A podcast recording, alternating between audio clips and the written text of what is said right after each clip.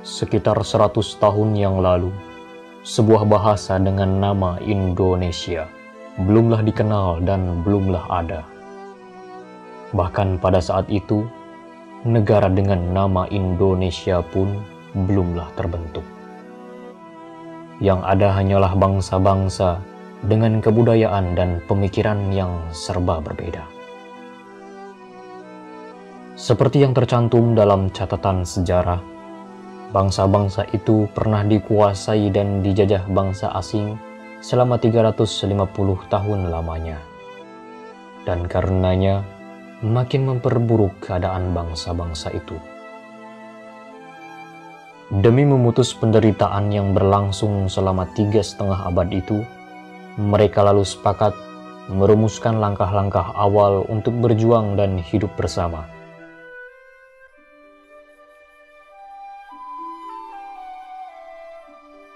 pada tahun 1928, tanggal 27 sampai 28 Oktober, perwakilan pemuda dari tiap-tiap bangsa berhimpun dan mengadakan kongres kedua untuk menyepakati alat-alat pemersatu bangsa.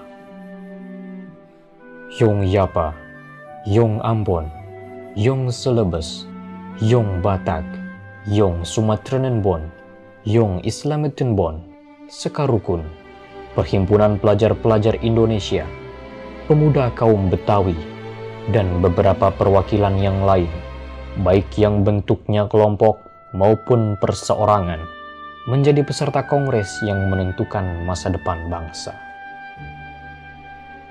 Kongres kedua itu akhirnya menyepakati dan mengakui tiga poin mendasar dalam persatuan bangsa, yang salah satunya adalah menyepakati dan mengakui bahwa bahasa persatuan bangsa adalah bahasa Indonesia. Keputusan Kongres tersebut di kemudian hari lebih dikenal dengan sebutan Sumpah Pemuda. Kami, putra dan putri Indonesia, mengaku bertumpah darah yang satu, tanah air Indonesia. Kami, putra dan putri Indonesia, mengaku berbangsa yang satu, bangsa Indonesia. Kami, putra dan putri Indonesia, menjunjung bahasa persatuan bahasa Indonesia.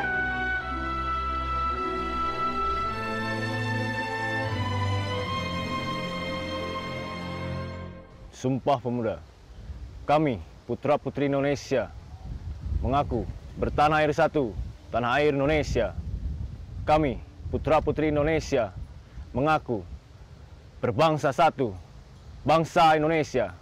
Kami, putra-putri Indonesia, mengaku berbahasa satu, bahasa Indonesia. Selamat Hari Sumpah Pemuda yang ke-90. Kami mengaku berbangsa satu, bertanah air satu, dan berbahasa satu, yaitu Indonesia. Selamat Hari Sumpah Pemuda.